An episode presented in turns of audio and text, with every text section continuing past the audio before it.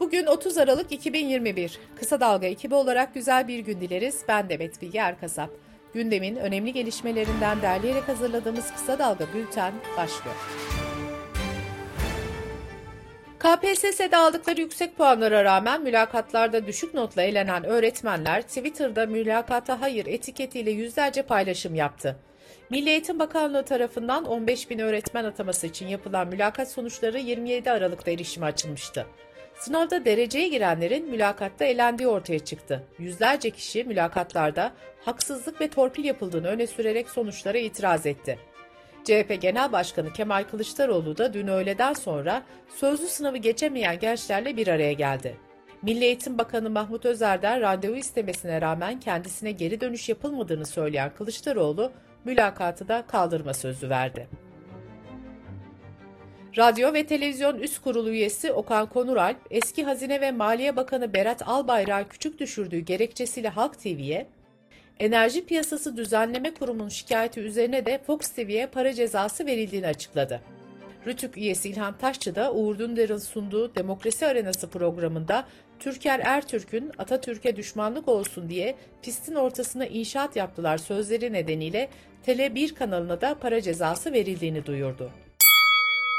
Aksaray'ın Ortaköy ilçesinde öğrencisine şiddet uyguladığı görüntüler ortaya çıkan öğretmen görevinden alındı.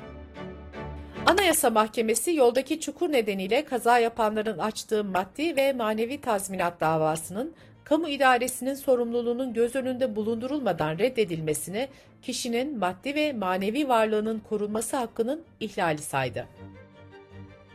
Akdeniz ve özellikle Girit Adası çevresinde meydana gelen depremlerle ilgili açıklama yapan Profesör Doktor Ahmet Ercan, Muğla, Kaş, hatta Göller bölgesinde 6, 6,5 ve 7 büyüklüğündeki depremler benim için şaşırtıcı olmaz dedi. Resmi gazetede Cumhurbaşkanı Erdoğan'ın imzasıyla yayınlanan karara göre sağlık çalışanlarına daha önce 31 Aralık 2021'e kadar tanınan ücretsiz toplu taşıma kullanma hakkı 30 Haziran 2022 tarihine kadar uzatıldı. Anadolu Cumhuriyet Başsavcılığınca Mimar Başak Cengiz'in 11 Kasım'da yolda yürürken Can Göktuğ Boz tarafından samuray kılıcıyla katledilmesine ilişkin yürütülen soruşturma tamamlandı. Savcılığın hazırladığı iddianamede Boz hakkında tasarlayarak canavarca hisle ve eziyet çektirerek öldürme, silahla tehdit ve yasak bıçaklar ve diğer aletleri vahim miktarda bulundurma suçlarından ağırlaştırılmış müebbet ve 3 yıldan 7 yıla kadar hapis istendi. Ekonomi haberleriyle bültenimize devam ediyoruz.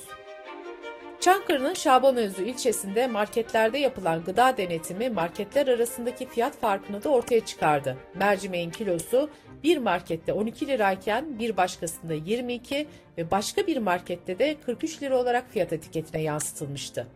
Denetime katılan Şabanözü Belediye Başkanı Faik Özcan bu tür denetimleri düzenli olarak yapacağız dedi. Altın hesaplarının Türk lirası mevduat hesaplarına dönüşümünün desteklenmesine ilişkin Merkez Bankası tebliği resmi gazetede yayınlandı. Tebliğe göre Merkez Bankası altın hesabını TL'ye çeviren mevduat sahiplerine destek verecek. Altın hesaplarının Türk lirasına çevrilmesinde Merkez Bankası'nın o gün saat 11'de ilan edeceği gram altın fiyatı esas alınacak. Hesaplar 3, 6 ve 12 ay vadeli olacak hesabın vadesinden önce bozulması halinde herhangi bir ödeme yapılmayacak. Söz konusu ödeme desteği bir defaya mahsus olarak uygulanacak. İş Bankası Genel Müdürü Hakan Aran, enflasyon ve yeni devreye alınan kur korumalı TL vadeli mevduat hesaplarına ilişkin açıklamalarda bulundu. Aran, enflasyonu çözmeden bizim herhangi bir şekilde bir yatırımcıyı, bir fon sağlayıcıyı, mevduat müşterisini ikna etmemiz mümkün değildir dedi. Bankacılık Düzenleme ve Denetleme Kurumu kredilerin amaca uygun kullanımı konusunda gerekli önlemleri almadığı gerekçesiyle 13 bankaya 50'şer bin lira ceza uygulanmasına karar verdi. Merkez Bankası 2022 yılında para ve kur politikası raporunu açıkladı. Raporda dalgalı döviz kuru rejiminin sürdürüleceği, döviz kurlarının serbest piyasa koşullarında arz ve talep dengesine göre oluşacağı kaydedildi. Özelleştirme İdaresi Başkanlığı Türkiye Şeker Fabrikaları, Sümer Holding ve Hazine'ye ait bazı taşınmazların satışını onayladı. Türkiye Şeker Fabrikalarına ait Muş'un Bulanık ilçesinde 3 dönüm, Tokat'ın Zile ilçesinde 8 dönüm, Erzincan'ın Üzümlü ilçesinde 3265 metrekare arazi satıldı. Sırada Covid-19 gelişmeleri var. İstanbul Üniversitesi İstanbul Tıp Fakültesi Dekanı Profesör Doktor Tufan Tükek, omikron varyantının artışa geçtiğini ve rakamların daha da artacağını belirtti. Biontech'in etkinliği bile tam bilinmiyor diyen Tükek, kapanma olacağını düşünmediğini ancak okulların uzaktan eğitime geçebileceğini söyledi. Avrupa'da 24 saatte en çok vakanın görüldüğü ülke Fransa oldu. Bir günde 179 binden fazla vakanın tespit edildiği ülkede 290 kişi hayatını kaybetti. İngiltere'de bir gün içinde 130 bine yakın vaka tespit edildi. Almanya'daki günlük vaka sayısı ise 30 bini aştı. İspanya ve İtalya'daki vaka artışı da 100 bine yaklaştı.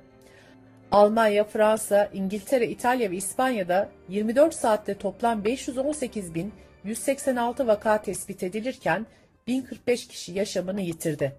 Amerika'da da 24 saatte 312 binden fazla vaka tespit edildi, 1811 kişi hayatını kaybetti.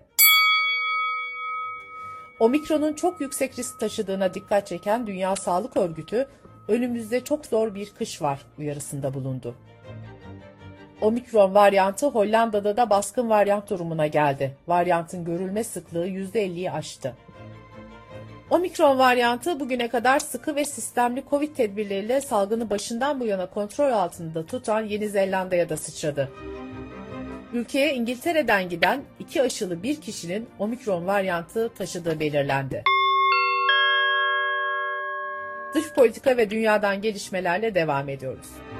Rusya Dışişleri Bakan Yardımcısı Rudenko, ilişkilerini normalleştirmek adına yeni adımlar atan Ermenistan ve Türkiye arasındaki bu süreçte arabulucu olmaya hazır olduklarını duyurdu. Filistin lideri Mahmut Abbas, İsrail Savunma Bakanı Benny Gantz'le bir araya geldi. İkilinin güvenlik ve ekonomi konularını görüştükleri açıklandı.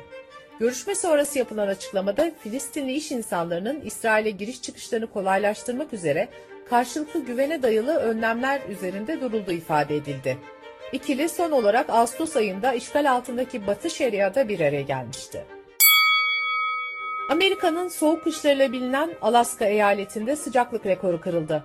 Eyaletin en sıcak Noel'i geçirdiği bir kentte 19.4 derece sıcaklık ölçüldüğü belirtildi. Bültenimizi kısa dalgadan bir öneriyle bitiriyoruz. Sis ve Gece 25. yılında yeniden basılırken Ahmet Ümit aradan geçen çeyrek asırlık dönemde edebiyatta ve ülkede yaşanan değişimleri, siyasal İslam'ın ve devletin geldiği noktayı Kemal Göktaş anlatıyor. Kısa Dalga.net adresimizden ve podcast platformlarından dinleyebilirsiniz. Gözünüz kulağınız bizde olsun. Kısa Dalga Medya.